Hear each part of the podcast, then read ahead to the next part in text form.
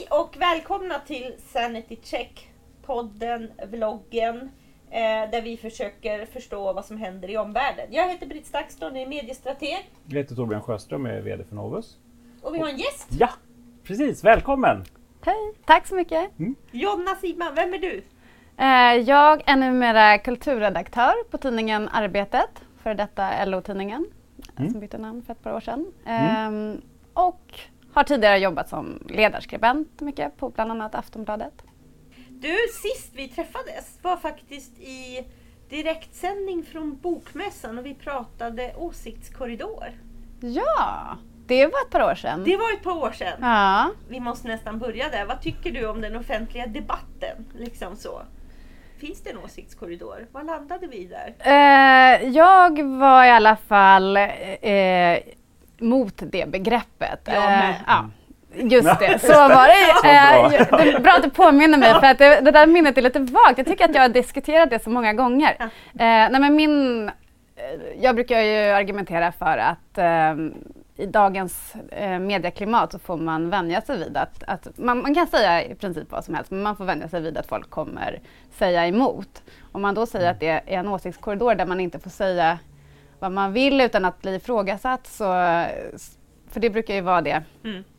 som eh, de I en som... tid då vi bara har fler och fler chanser att säga. Ja, Precis. så, ja. Ja, så det, det, det är lite paradoxalt där, det här med att en del hävdar att man inte får säga saker när man har större chanser eller även ganska okända människor har eh, chanser att nå ut till makthavare på ett helt annat sätt än tidigare. Så Mm. att, eh, eh, den där diskussionen verkar liksom aldrig riktigt eh, ta slut utan den bara fortgår. Liksom. Ja.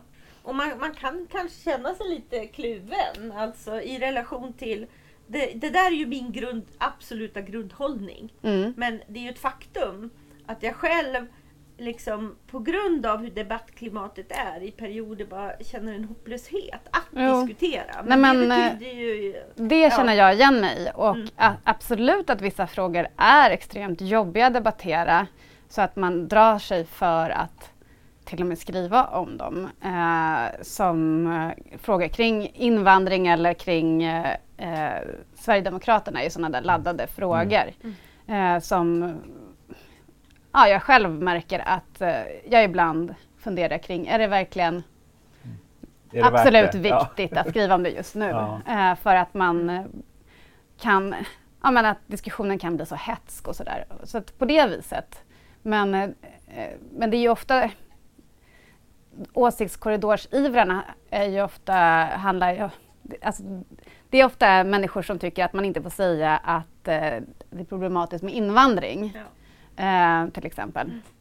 Eh, men eh, det, är- det är väldigt enögt för det är väldigt problematiskt också att prata liksom, om eller man kan å- bli ganska illa ansatt om man säger att eh, om man lyfter fram liksom, de positiva fördelarna också med, med invandring och sådär. Mm. Så att eh, det är liksom från båda håll är det, kan det vara tufft i debatten. Mm. Inte mycket som har hänt, känns det som. Nej. sågs. Vad Nej, alltså du frågade mig här inledningsvis om hur jag ser på debattklimatet. Mm. Eh, och precis innan vi gick in i den här studion så, så gick ju Expressens stora reporter eh, Niklas Svensson ut på Twitter och sociala medier då och säger att han faktiskt har en, social, eh, en, en paus från sociala medier. Mhm. Jaha, det Mm. Ja. Och det har Ja, redan blivit okej. en branschnyhet i liksom Ja. Dagens Medier med alla de här Ja. sajterna. Eh, och eh, det är ganska intressant för att han har ju varit den som har varit, liksom, sagt att det är en tjänstefel att inte vara närvarande på Mm. sociala medier och sådär. Så man undrar om det här är en tendens i, i tiden, om fler kommer följa efter eller eh, för att, ja, man undrar ju lite varför han tar den här Mm. pausen. Jag är ju lite cynisk kanske. Jag känner honom ganska väl sedan tidigare. Men jag har ju en känsla av att han inte får samma utväxling längre. Mm. Alltså antalet delningar, antalet alltså interaktioner på Twitter har ju, blivit, har ju gått ner radikalt de senaste åren. Mm. Så jag tror även om han har vad det nu är, 20 000 följare så får han inte så mycket snurr på grejerna. Det tror jag är problemet i Jag hans tror att han nästan har 100 000.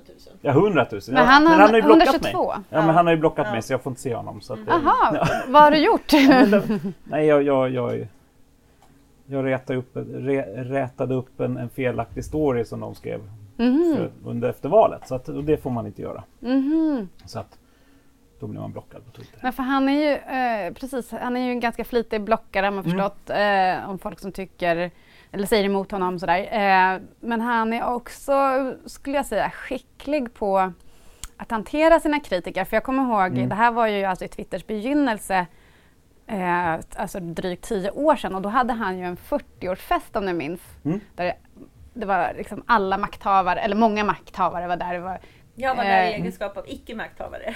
ah, okej. Jag har eh, kvar, ja, mas- jag har masken Ja, ni var där faktiskt. Ja. kanske? Jaha, okej.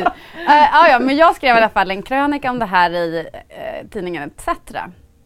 Om eh, ja, men, eh, att det var problematiskt ur demokratisynpunkt med att se liksom Carl Bildt, alltså jag tänker på sån, med all respekt för er Mm. Det- jag- jag- maktposition, ja, men jag- det jag var Det ju... förstår. var ju en jag väldig diskussion om kritiken. det. Jag Ja. skrev Ja. också ett inlägg om det. Liksom. Ja, nej, men att se alla de här eh, ministrarna eller eh, Mm. direktörerna dansa och ha på sig sån här Mm. Niklas Svensson ansiktsmask eh, och, och Det frottera sig liksom med journalist, journalistkåren och sådär.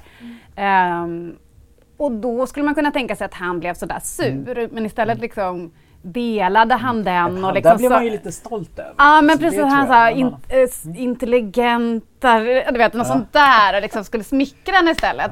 Men det som är intressant eh, vad gäller Niklas Svenssons Twitteranvändande det är ju att han faktiskt oavsett eh, vad man tycker har varit väldigt duktig på att poängtera eh, liksom, följ mig tillbaka, jag vill ha en dialog. I Mm. en tid där det liksom ifrågasattes mycket om nyttan med liksom och så.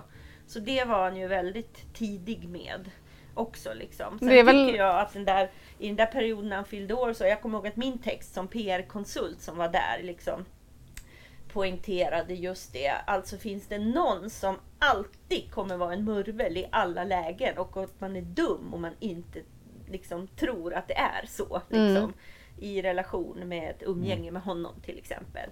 Att det ligger i, i sin natur. Liksom, så. Mm. Sen är det ju liksom Twitter som kanal och nya mötesformer är ju precis som Almedalen en arena där det sker ibland liksom så här osunda relationer som Mm. är värda att fundera Mm. över. Och Mm. den händelsen, särskilt också för att det var en Twitter-tagg blev ju en sån. Ja, just man det. diskuterade över det och som också kunde följa relationerna i. Twitter. Mm. Så nog är det samtidsintressant att han eh, tar en paus då. Mm. Och Ja. Dels kan det ju vara liksom eh, Värdemässigt får man inte fler tips eller så. Men nu har ju, jag har inte sett kommentarerna runt det. Mm. Eller om det är ett uttryck för det vi pratar om här. Att det bara inte går att finnas på den arenan längre. Det får man väl se.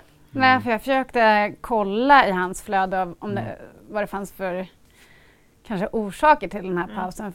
För han förkunnade den här pausen ungefär som en, en, eh, ett eh, kändispar berättar om sin skilsmässa. Efter moget övervägande, inleder han.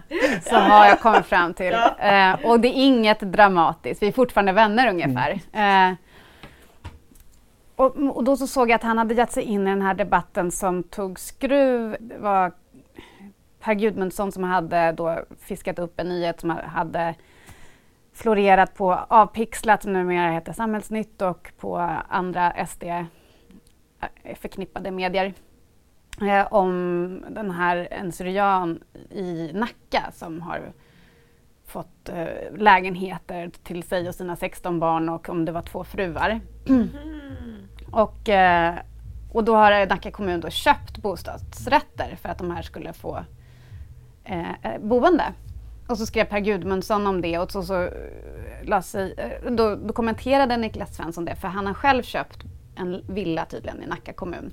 Och så menade han hur har det här påverkat bostadspriserna? Om kommunen är inne liksom och budar på bostäder som vi andra ska, ja, att de kanske trissar upp priserna då. då ja. eh, så att, och då fick han kanske en del kommentarer om det och sen, alltså det här är bara spekulationer, Ja. men, men, men att han kanske, att, att det blir för jobbigt helt enkelt med Twitter. Att, eh, säger man någonting så får man ju, blir man ju ifrågasatt. Mm. Precis som vi sa här inledningsvis. Att, Ja.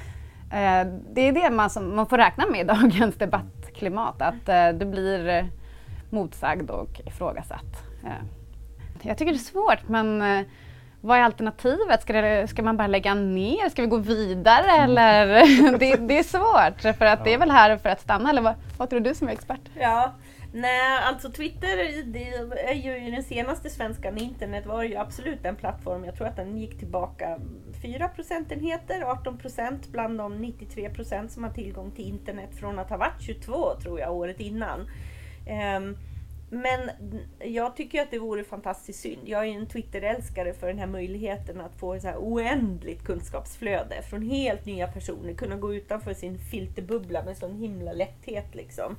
Men man ser ju det som händer. Men det är ju ändå en sån otroligt vass plattform i relation till kriser. Till exempel i alla de här krissituationerna så är det ju där du bäst kan följa en tagg till exempel. Mm. Så att som krisplattform har det absolut sin roll. Och mm. fortfarande är det ju så att det är en, en plattform för mediepåverkan. Mm. Så är det ju ändå mm. mm. fortfarande. Mindre men ändå starkt och kommer blossa upp igen inför valrörelsen och så. Mm, ja, men, eh, absolut.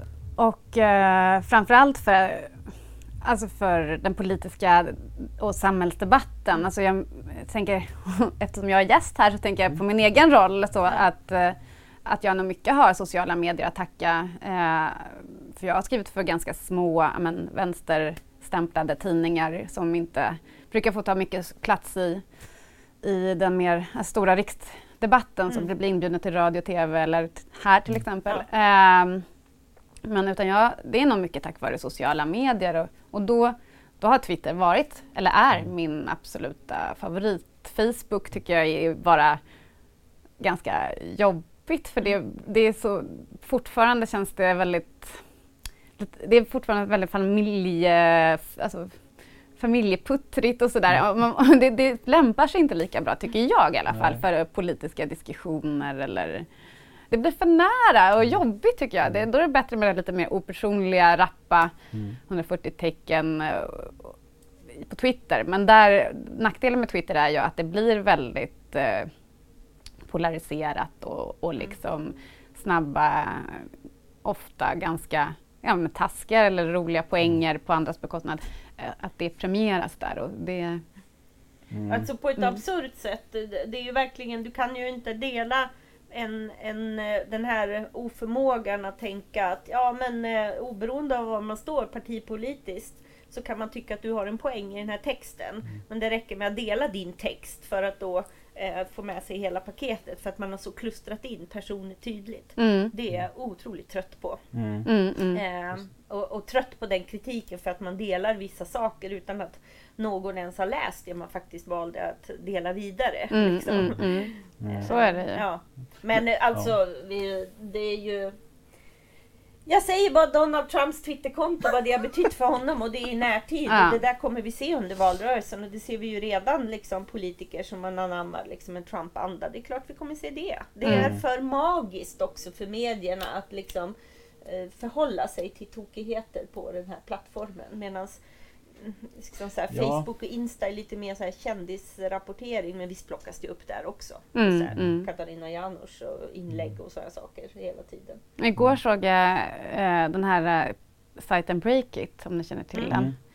Eh, de gör ibland sådana här direktsändningar på Facebook och igår hade de en direktsändning om Instagrams kris. Instagaddon tror jag mm. att de Oj, kallade det för. Okay. Eh, jag lyssnade faktiskt med ett halvt öra, mm. men det var att just hashtags fungerar inte längre och mm. eh, ja, folk blir inte lika mycket, får inte lika stor spridning för sina Nej, inlägg. Och, mm. ja. Ja, det... Lite skeptisk känner jag mig för de har precis upptäckt Facebook livesändningar känns det som. precis, men det, det så, kanske, men jag har faktiskt inte som... lyssnat på det. Men det är klart att visst går det snabbt med sånt där. Liksom. Mm. Ändrar sig hela tiden och så. Alltså samspelet mellan det traditionella, för det har vi pratat om, du och jag pratat hur många gånger som helst. Liksom att jag tror att Trump hade inte blivit så stor i, i so sociala medier hade inte funkat så mycket om inte det gamla medier hade sett det som en publicering som man sen då tar upp i, i, liksom i det traditionella spridningsnätet också. Och då är frågan liksom, vad är egentligen orsaken och verkan där? Det är någonting som jag funderar på hela tiden. Har, liksom, har sociala medier blivit hårdare för, och det har spilt över på det traditionella medier? För man tar SVT ett opinion till exempel. Mm. Hela syftet är att bara hitta två som tycker precis olika och så ska man bråka i direktsändning. Typ, mm. liksom. mm. det är, det, det är, syftet är ju inte att vi ska få en förståelse för en fråga. Mm. Utan det är bara liksom det här underhållningsvåldet eh, på något sätt. Men då är det frågan liksom, vad, vad är vad? Samhällsklimatet är ju uppskruvat på det viset att det har blivit mer Ja. Uh, är du med oss eller emot oss? Uh, ja, och då är frågan vad som är orsak och verkan. Det är väl det jag tänker mycket på. Liksom att kom det först på ena eller kom det på andra sidan? Vem försöker anpassa sig efter vem? För det, det, är liksom, visst, det kanske är kärnan i den här diskussionen, åsiktskorridor, för jag håller med det är liksom inte, man får ju säga precis vad som helst. Det är, det är ju inte problemet. Det är bara det att alla blir alltid kritiserade för allting blir så synligt. Men det är ju, det är ju inte samma sak. Mm. Det, är ju, det är väl kanske snarare att alla, alla har ungefär en lika stark röst. Eller kan nå in på ett helt annat men man, man har, det, det, är väl olika analyser till varför vi har fått det här samhällsklimatet. Men eh, mycket alltså beror ju på att vi har fått de här alltså högerextrema, pop, högerpopulistiska rörelserna som växer i både Europa men i hela västvärlden. Eh, och vad det beror på, det, får du, då får du ett svar från mig och ett svar från säkert Ivar Arpi eller någon på på den mig, sidan.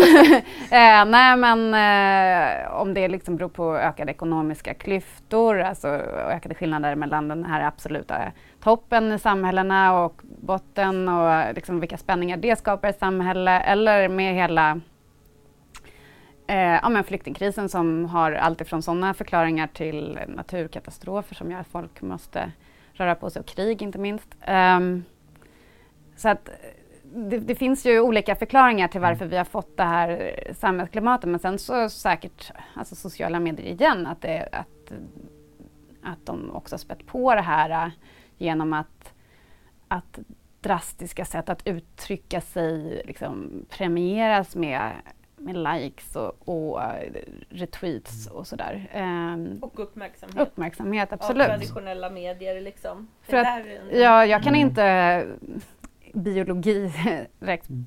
Men eh, jag har ju förstått att det finns ett belöningssystem i hjärnan. ja. eh, och eh, det tror jag att vi alla lite till mans kan känna att man eh, går in liksom på sina sociala medier och ser om är det någon som har gillat det jag har skrivit? Eller, och att det är mm. någonting ändå som händer i kroppen när man ser så här, mm. åh, jag har fått tio retweets. Mm. Uh, det ska man kanske inte himla med. Mm. Så. Mm. Och så ser du att det blir fler ju mer svartvit du är.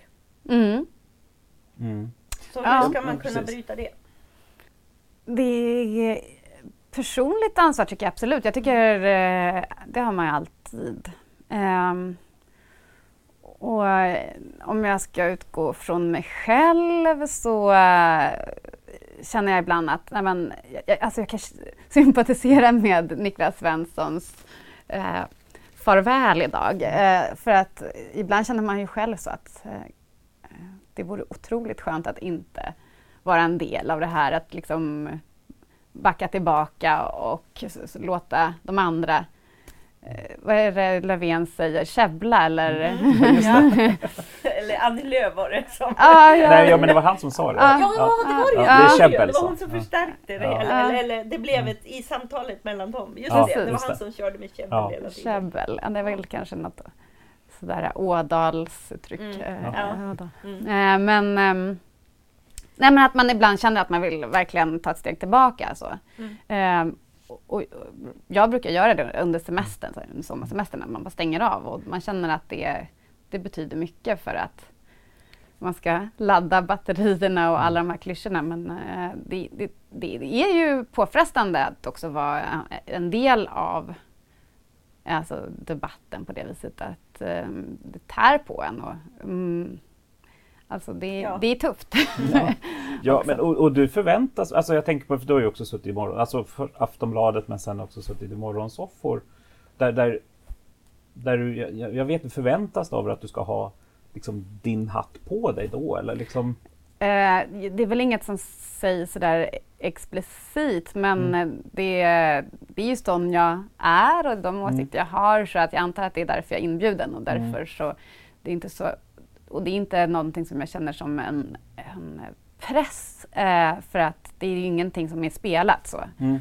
Eh, utan det, men, eh, och det är ju väldigt sådär eh, om, om jag, Göran Greider och eh, Alice Teodorescu sitter Mm. i TV4s morgonsoffa så förstår man ju Mm. ändå vad det är för, för åsikter som folk förväntar sig. Eller liksom, som, Mm. Just det. Ja. För, för jag har tänkt lite på det där som att just att Precis, för det är ju tre starka åsikter. Mm. Alltså det, det är ju så morgonsoffan brukar vara. Liksom. Men, men samtidigt brukar frågorna vara mer av en kunskapskaraktär, tänker jag. Mm. Ja, Vilket är lite, jag tycker är det, blir lite krock där, för att ni, ni får ju alltså, i den rollen blir man ju proffstyckare. Mm. Liksom.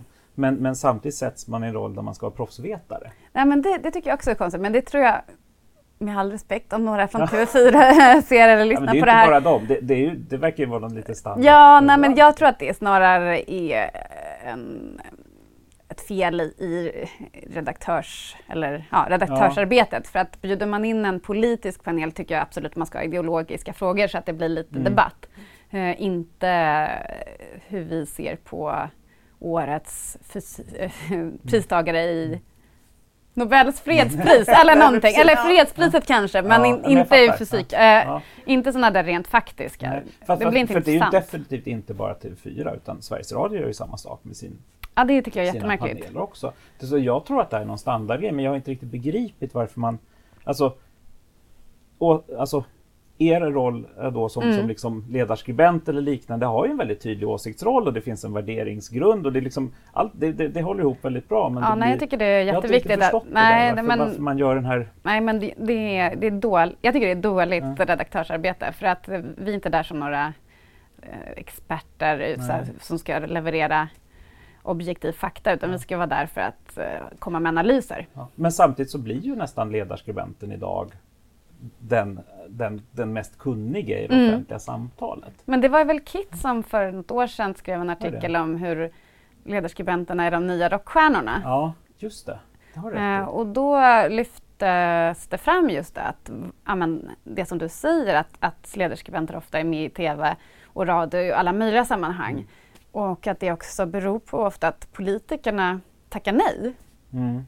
Och då ringer man in istället Mm, eh, ledarskribenter. Mm. Och, och det, det blir ju ett problem för eh, politikerna sitter ju på ansvar och, Mm. och ska ha svar på, ska ja, men leverera Mm. lösningar medan vi ledarskribenter kan ju mer tänka fritt och slippa ta ansvar. Ja, ja, men, ja men verkligen och det, det är ju inget dåligt med det heller men det, det känns som att det, det För jag tänker då också på det här med, med, med liksom den här faktaresistensen som det pratas om så mycket. Liksom att, och där, där, där jag mer ser det som att man har tappat lite tilltron till avsändaren och då menar jag liksom inte individen utan, utan plattformarna. I och Mm. med att allting är så åsiktsfärgat. Mm. Och det vet ju egentligen tittaren. När det, kom, när det är tre ledarskribenter som sitter i, liksom, eller, eller i radio eller TV, då Mm. vet man att de kommer från sina åsikter. Mm. Men man diskuterar fakta. Mm. Alltså, som kanske inte behöver vara så politiskt färgat egentligen. Mm. Utan man kanske behöver ha någon faktagrund och sen ska man börja röra sig i, i ert spektrum kring liksom olika åsikter.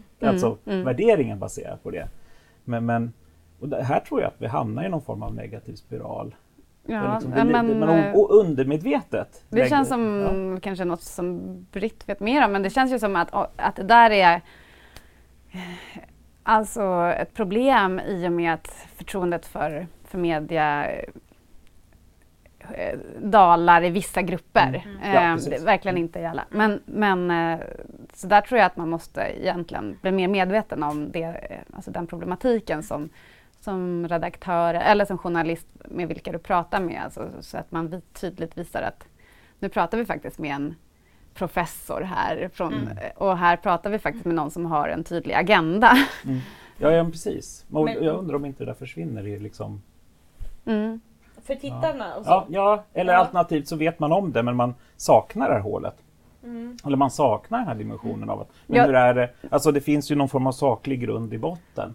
Och den, den Nej, jag tror, jag, tror, jag tror man måste vara tydligare, alltså egentligen. Eh, Jag tror man inte ska...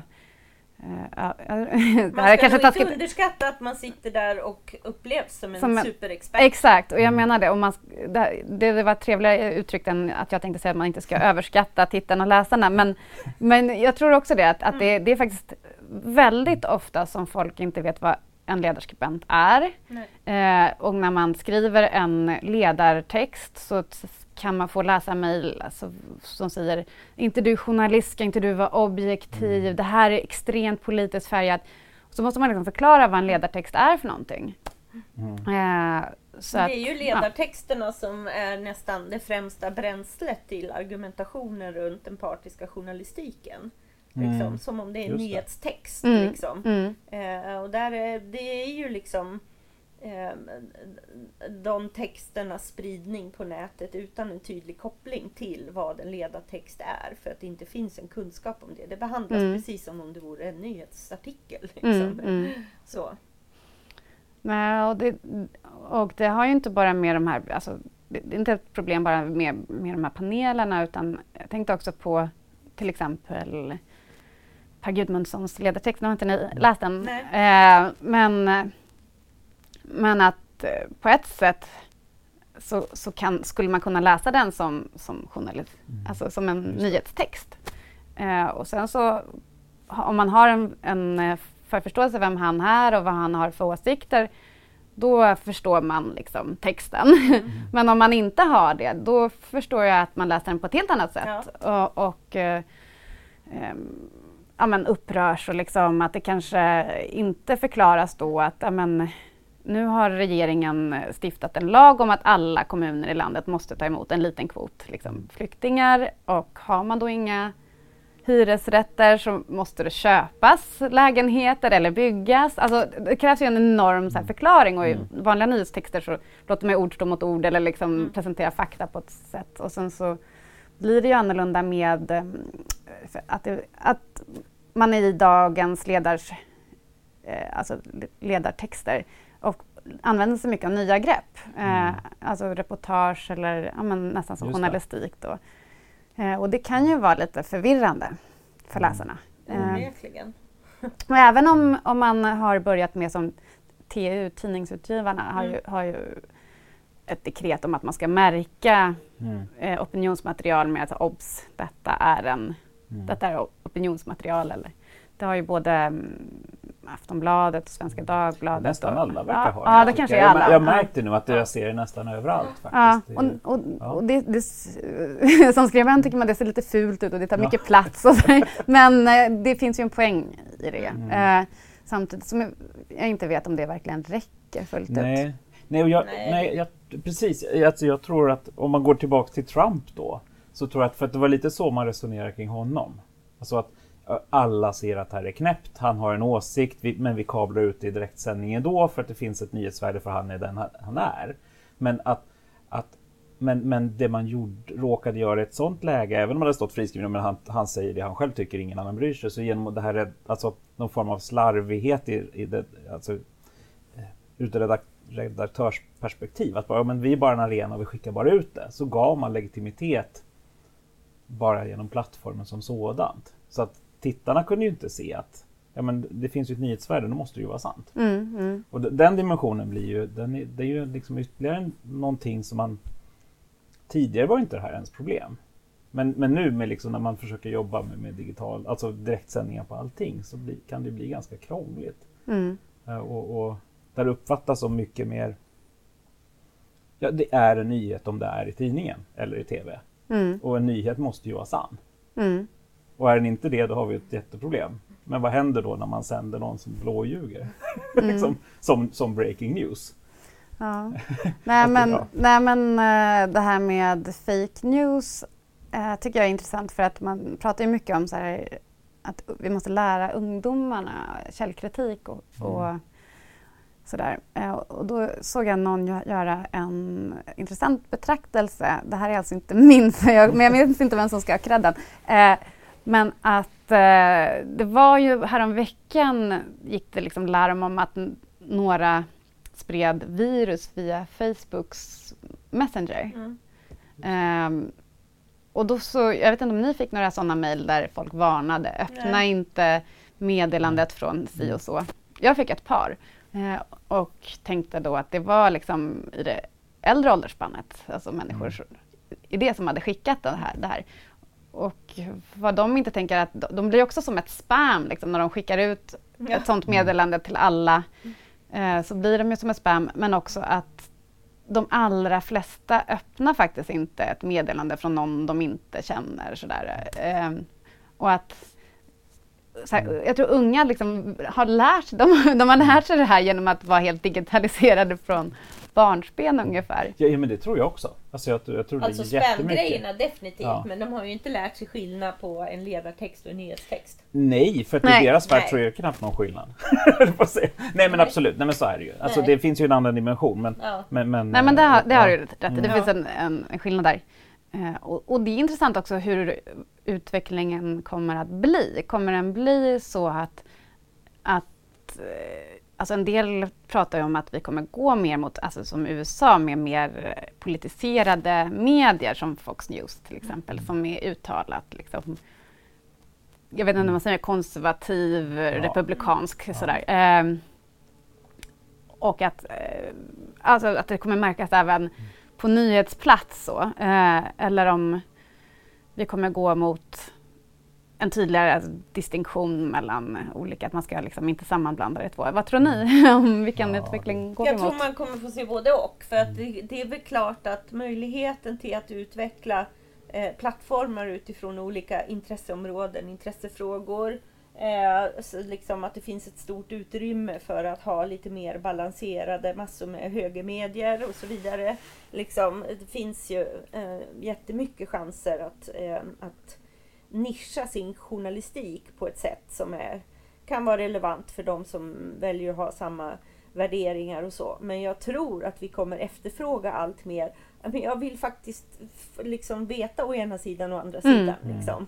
Eh, att det kommer ställa krav på båda och jag tror att det är väl där det ligger liksom i att istället för att eh, eh, fokusera på allt det som är dåligt, liksom, jaga eh, hela tiden försöka visa vad som är fel med en story. Mm. Så kommer man ju vara sugen på att, men okay, om jag går till den här plattformen så kan jag lita på de här sakerna. Liksom. Mm, mm. Att det är det vi, vi, kommer leta efter mer på samma sätt som vi letar efter vänner som är bra kuratorer i ett flöde som ger mig relevant innehåll inom ofta ett väldigt nischat område. Liksom. Um, och att, så att jag, jag tror att det föder behov av, av båda saker. Men det är klart att det finns affärsmöjligheter i att, eh, att eh, nischa medier på olika sätt och vis. Mm. Alltså nyhetsmässigt också. Jo, men det, tror jag, det, det upplevs mycket enklare att gå den vägen också tror jag. Mm. Alltså att, att köra någon form av åsiktsslagsida åt något håll. Och, för det kommer ge en omedelbar eh, eh alltså respons med, med, den andra. Ja, jag vet. Mm. Men, men samtidigt tror jag det, det, som, det som talar för, för jag tror det är jättedåligt att göra så. Alltså det finns ingenting bra. Trump hade inte funnits om vi inte hade haft, hade inte funnits en sån polariserad mm. nyhetsmedia och Sverige jag är orolig när, man, när Sverige tittar på USA som ett föregångsland. Jag tycker det ska vara ett dåligt, alltså ett avskräckande exempel i hur mm. media har jobbat. Mm. För Trump var ingen bra utgång. Alltså det blev inget bra slut. Alltså mm. ska vi göra så, då får vi så. Eh, för, för, samtidigt har vi ju en enormt stark public service i Sverige. Mm. Och det talar ju mot att vi ska, alltså den kraften är ganska unikt, i alla fall jämfört med mm. USA är det helt unikt. Så skulle vi börja för, förstärka public service, alltså gå tillbaks till kärnan där och mm. inte jobba med åsikter utan jobba med förklaring och förståelse. Så Precis, men, sam, nej, men jag, till exempel så har ju Dagens Nyheter nu gått ut med att de, de växer väldigt starkt, framförallt de här digitala mm. prenumerationerna. Det är glädjande äh, att läsarkretsen faktiskt, den betalande läsarkretsen mm. finns där ute. Mm. Eh, och tydligen är det också mycket unga som tar en DN-prenumeration och det är ju extra kul. Mm. Eh, att man känner att man vill betala just för att kanske få det här både och och liksom objektiva journalistiken. Samtidigt så är ju tidsandan sån att eh, du kan nästan inte stå inte ta ställning. Alltså, det är ju eh, alltså med nu mm du menar att det är så viktiga frågor? Ja, jag tänker på liksom framväxt, alltså nu att vi har nazister, mm. nazistdemonstrationer. Eh, och public service har ju ett demokratiuppdrag. Mm. Senast igår så blev de fällda i eh, Pressens opinionsnämnd. Vad tror jag det, var. För? Eh, det var för ett inslag där eh, Sverigedemokraternas chefsideolog, eller vad man nu ska kalla honom, eh, Mattias Karlsson var med i studion och då hävdade att eh, nu med alla flyktingar som kom in, jag tror det var 2015 då, eh, så kommer tusentals, eller vad det nu var, eh, potentiella eh, terrorister och Mm. våldtäktsmän Ja, in. Och då hade han inte blivit motsagd av programledaren. Eh, och de hade tagit upp det först dagen efter att det här, det här påståendet som Mattias Karlsson sa finns det inget belägg för eller något sånt där. Men det räckte inte tyckte, tyckte den här opinionsnämnden då utan att man skulle gå- be- bemött honom då direkt i, i sändning. Eh, och så, så, så public service har ju ett sådant uppdrag men även andra, alltså jag tänker just på till exempel Dagens Nyheter, de har också en, en chefredaktör som var politisk eh, redaktör på tidningen innan, alltså Peter Wolodarski. Så att, eh, och de är ju väldigt aktiva i alltså, frågor kring rasism Mm. nu nazism Mm. tyvärr. Men, Eh, men fast behöver det vara en motsägelse egentligen? Alltså, för vissa, vissa saker är det ju fel att inte ta ställning kring. Alltså Mm. mänskliga rättigheter eller demokratifrågor. Men är, är, det inte, är det inte snarare så att man, alltså i, i den här brådskan att köra allting i direktsändning till exempel, för det var ju även kring, kring Bokmässan förra året, apropå det. Hade man inte kört den där intervjun i direktsändning så hade man kanske liksom kunnat inse att det här kan vi inte sända. För det blev helt galet. Ja, men det, var ju, Vilken- ja, men det var ju den som blev debatt, interndebatten sen. Nya ju. tider Nya- och Ja, Alex den där. Ja, men Mm, för jag bara mm. kommer tänka på Mm, apropå direktsändningar. mm. Här var också en direktsändning man kör på eh, eh, journalisten eller Henrik Arns. Eh, Nej, jag, men, nej, men jag menar Mm. journalisten, journalisterna generellt sett är kanske inte tillräckligt mycket pålästa att kunna ta de här sakerna på volley i, i direktsändning. Utan det blir mer att ja, men det här blir din åsikt Mm. som skablas ut. Mm, mm. Och, och som eh, exempelvis Mattias Karlsson så blir ju problemen ganska stora efteråt. För då blir det som en sanning som inte motsägs för att man inte riktigt är beredd. Men skulle man då våga ta ett steg tillbaka och säga att det här, det, här blir, det här blir bandade intervjuer Mm. så, så, så klipper man ju bort det som blir fel. Alltså våga tagga ner lite och våga faktiskt göra sitt journalistiska jobb och, Mm. och så. Mm. För, för då, då, då blir det inte ens en åsiktsfråga. Det här Nej. var ju rena faktafel eh, Nej, eh, som, som liksom får stå oemotsagda. För att man faktiskt inte har, Mm. har liksom... Nej, men det är därför eh, tyvärr, alltså som ett debattprogram som SVT Opinion Live som det heter nu, eh, har blivit Ja, det är tyvärr många av oss debattörer som tackar nej ofta Mm. till inbjudningar till programmet. Just för att det, det sänds ju live och, och det är ofta extrema åsikter som ska stötas mot varandra. Och eh, även om man då har en åsikt som ska vara på an, ena sidan då, eh, så, så kanske man inte känner sig bekväm i att debattera den mot någon som är liksom, tycker helt tvärt emot, liksom. eh, För att det blir ingen konstruktiv debatt utan bara massa pajkastning. Så. Mm. Eh, så frågan är, jag tycker inte att heller att det, alltså det form, nya formatet är så stor väsensskilt från eh, SVT Debatt. Nej, det skulle det är ju bli, sam- det är ja, bara nytt namn. det är bara nytt namn nästan. ja. Så det, är- det är lite intressant det där med, med, med livesändningar, Mm. vad det gör för, för debattklimatet. Liksom att, eh, att, det, det, ja, men att det är mer extremt och att det, det går liksom inte heller att få saker osagda eller ogjorda. Mm. Nej, men det- som är sorgligt är ju att det, det är så mycket kampen om eh, klick och visningar Mm. och tittare. Att det är det som får styra mer än en redaktionell idé. Mm. Det, det är liksom, det, jag är ju otroligt ofta i Österrike och suger åt mig av helt fantastiska debattprogram. Liksom. Mhm, mm. Som är liksom att bjuda in eh, fyra professorer som står i varsitt hörn. Liksom. Mm. Eh, och, och där du kan ha liksom debatter. Eh, alltså det är ju en helt annan den typen av program ser vi ju nästan inte i svensk TV överhuvudtaget. liksom. Mm. Eh, Det är en gång om året det här eh, kring Nobelveckan Ja, då det är snillen exakt. spekulerar. Ja, det är jättekul! Ja. Ja. men det behöver inte vara så högbryt Nej. ens, utan, men, men bara lite seriösare. ja. Men istället ska man liksom försöka med den här äh, fiska i... Alltså man tror att den här publiken som inte normalt sett tittar på public service vill ha den här typen Mm. av program. Det måste väl vara så enkelt? Ja, ja, Eh, Ja, det är så. Det, är- det, alltså det, är, det är förskräckligt. Eh, och det är där jag tror att någonstans Så det här, det här måste brytas för det här, det här går inte. Liksom.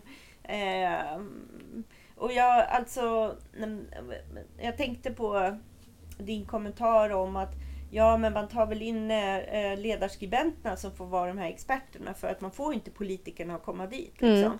Det är ju otroligt intressant. Vi vet ju att det är därför det ser ut så. Liksom, att, mm. att man inte vill diskutera med Sverigedemokraterna till exempel. Vilket gör att i ett, så här, efter valet då får Jimmy Åkesson agera allmän valanalytiker. Och sen får vi se två politiker som vill sitta bredvid varandra. Och det de tjafsar om är snöröjningen eller någonting. Mm, och de mm. blir liksom 5000 poäng till Sverigedemokraterna som får agera lite nästan landsfaderperspektiv. Den mm. allmänna oron man känner här när Trump har kommit till makten. Och så sitter de här två partierna och bara tjafsar med varandra. Mm, mm. Eh, och det vet man händer till och med i ett forum som Agenda. Man vägrar mm. ta intervjuer där mm, de mm. finns med. Och om det dessutom eh, är så, eh, jag tror att du är helt rätt i det, att det finns otroligt många som inte ens kommer till det läget där man ger dem utrymme Mm. Sverigedemokraterna i ett hörn och de andra i ett annat hörn. Utan när det faktiskt kommer till en situation mm. att de får inga, eh, inte på några villkor, att politiker kommer dit. Att de enda som vill vara med är Sverigedemokraterna. Alltså skiter vi i det och så tar vi in tre mm. ledarskribenter som får diskutera det här istället. Mm. mm.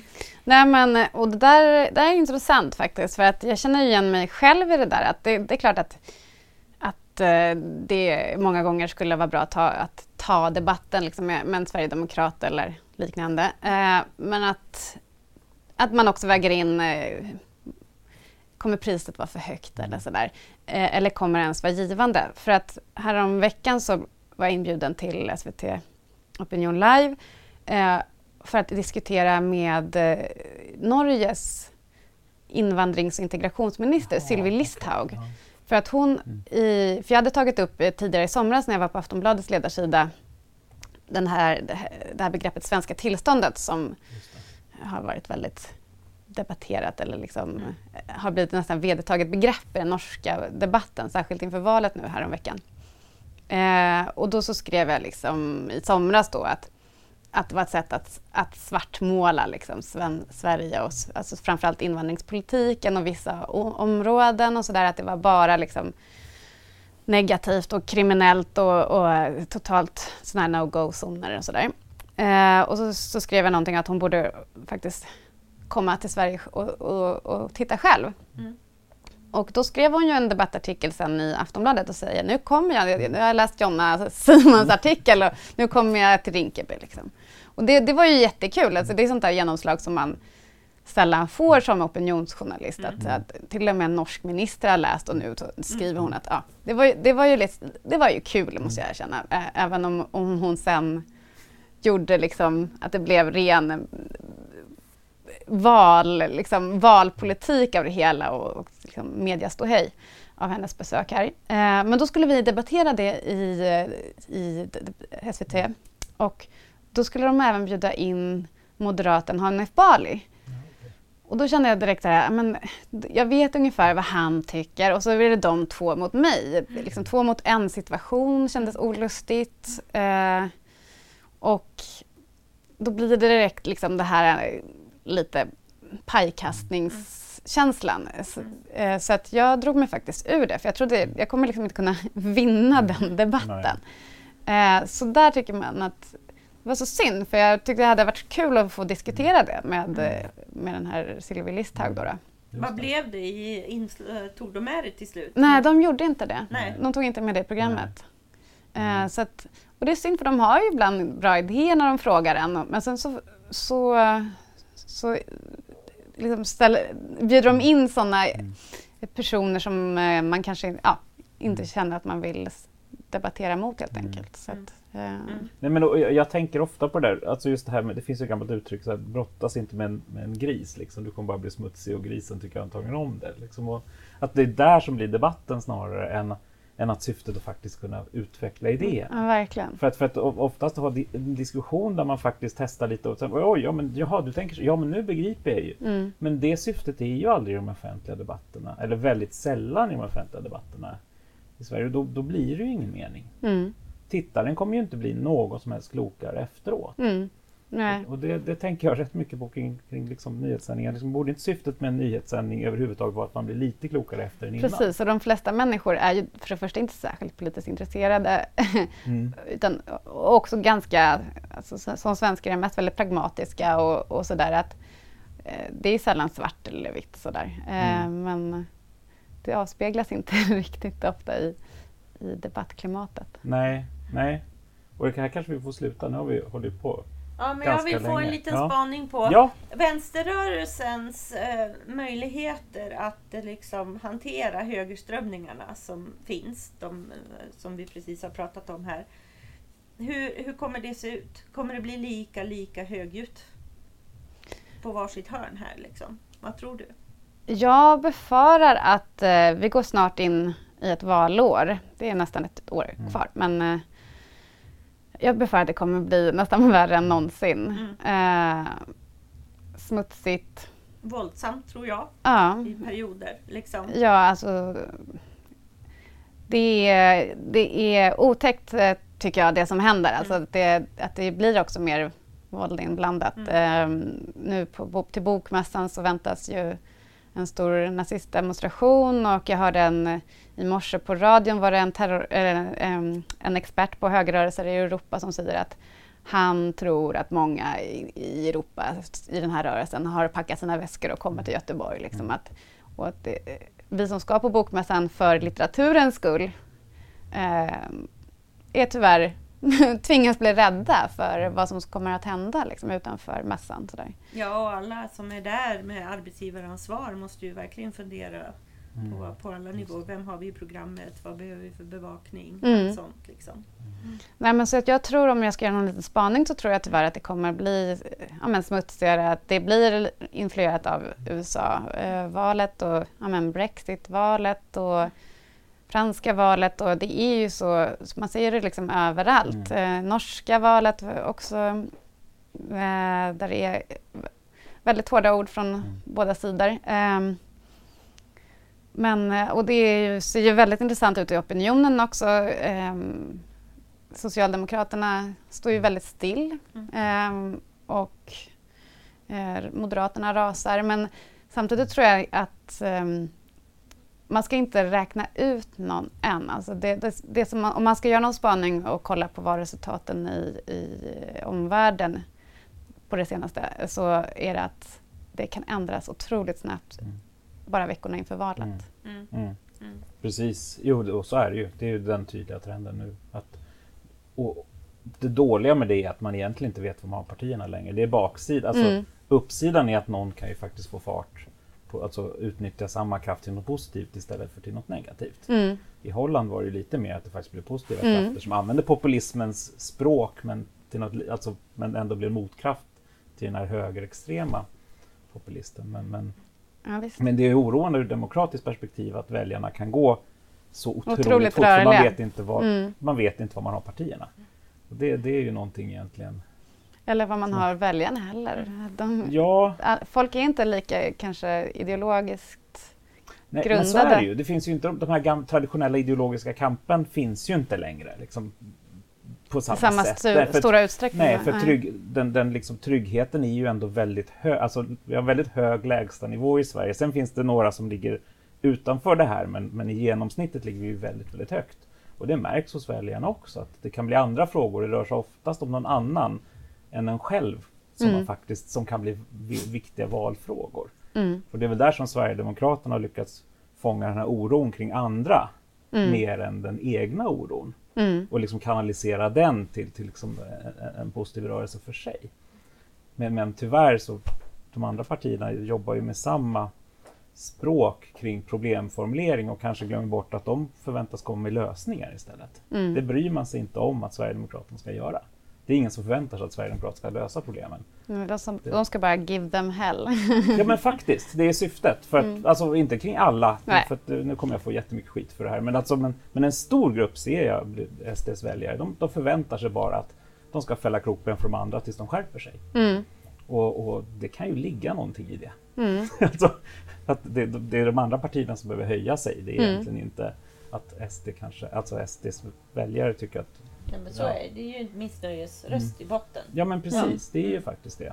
Men, men den här bakgrundsbilden, hur påverkar det dig i din penna, vid ditt tangentbord? Ja, jag är ju faktiskt inte ledarskribent längre utan jag är kulturredaktör numera eh, men skriver ju absolut tyckande också eh, ibland. Ehm, nej men ja, det, tyvärr så är det så att, att eh, jag kan dra mig för att eh, gå in i politiska debatter för att det, det tar helt enkelt väldigt mycket energi. Eh, det är det är trevligare arbetsmiljömässigt att skriva om ämnen som inte är lika politiskt laddade. En filmrecension Ja. eller något. Nej, men, eh, men samtidigt så eh, känner man att man vill vara med och liksom påverka samhället i en viss riktning och då har man ju det liksom i sig. Det, det är svårt att liksom helt eh, lägga band på sig.